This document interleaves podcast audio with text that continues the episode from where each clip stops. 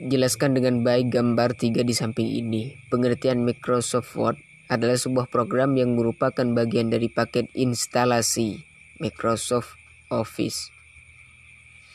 Berfungsi sebagai perangkat lunak pengolahan kata meliputi membuat, mengedit, dan memformat dokumen. Perangkat lunak pengolah kata atau word processing adalah program yang digunakan untuk mengolah dokumen berupa teks, misalnya surat, kertas kerja, brosur, kartu nama, buku, jumlah, dan lain-lain. Microsoft PowerPoint atau Microsoft Office, PowerPoint atau PowerPoint adalah sebuah program komputer untuk presentasi yang dikembangkan oleh Microsoft di dalam paket aplikasi kantoran mereka. Microsoft Office, selain Microsoft Word, Excel, Access, dan beberapa program lainnya, pengertian Microsoft Excel adalah sebuah program atau aplikasi yang merupakan paket instalasi Microsoft Office. Berfungsi untuk mengolah angka menggunakan spreadsheet yang terdiri dari basir, baris, dan kolom untuk menge mengeksekusi perintah. Microsoft Excel secara fundamental menggunakan spreadsheet untuk manajemen data serta melakukan fungsi-fungsi Excel yang lebih dikenal dengan formula Excel.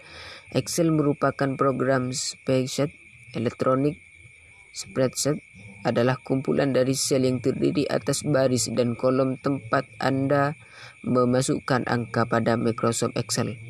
Jumlah sel Microsoft Excel 2006 terdiri dari 1 titik 048 titik 576 baris dan 16 titik 384 kolom atau 17 titik 1 179.8869 titik 184 sel. 2. Apa perbedaan operating system dan application software? Sistem operasi adalah sebuah software inti yang harus ada pada sebuah komputer dan menjadi wadah dari aplikasi. Sedangkan aplikasi adalah software pembantu atau pendukung pengguna untuk memudahkan pekerjaannya. Sistem operasi berfokus pada semua tugas seperti pada manajemen hardware, aplikasi yang sedang berjalan melindungi komputer, dan lain-lain. Sedangkan aplikasi berfokus pada tugas yang sesuai dengan bidangnya. Semua komputer dapat terinstall sistem operasi apa saja kecuali Mac OS. Sedangkan aplikasi hanya bisa terinstall jika syarat spesifikasi dan spesifikasi dan sistem operasinya sesuai.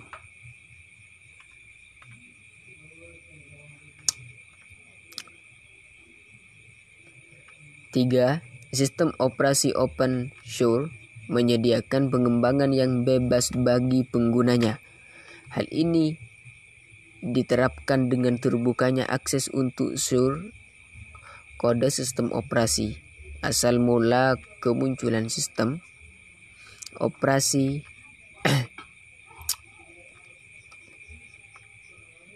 open source berasal dari Fresh Software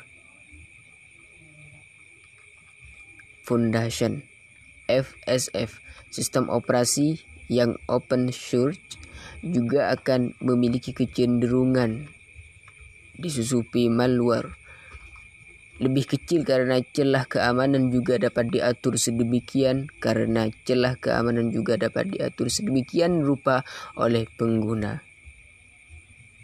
Keberadaan sistem operasi jenis ini sebenarnya berlawanan dengan gerakan copy protection and Digital Rings Management yang dimulai oleh beberapa pihak pengembang.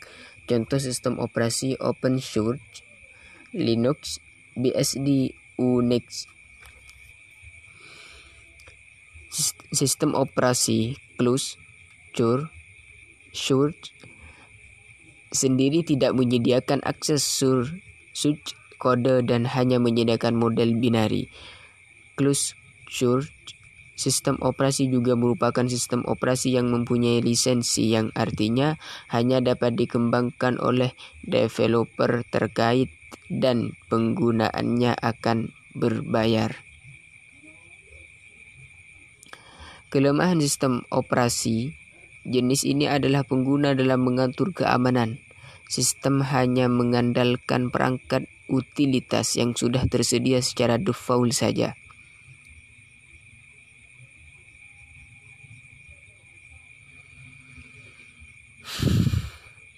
Contoh sistem operasi Cluster Windows Macintosh 4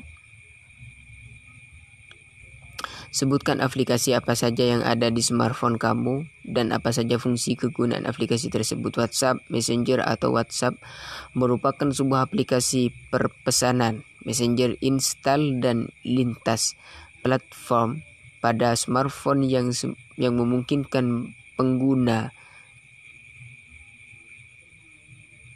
Pengguna mengirim dan menerima pesan seperti SMS tanpa menggunakan pulsa melainkan koneksi internet. WhatsApp memiliki basic yang mirip dengan BlackBerry Messenger.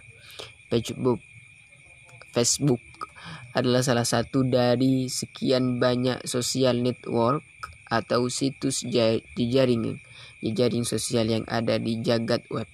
Bila Anda sebelum telah mengenal MySpace atau Friendster, maka Facebook pun tak jauh berbeda seperti kedua sosial network tersebut.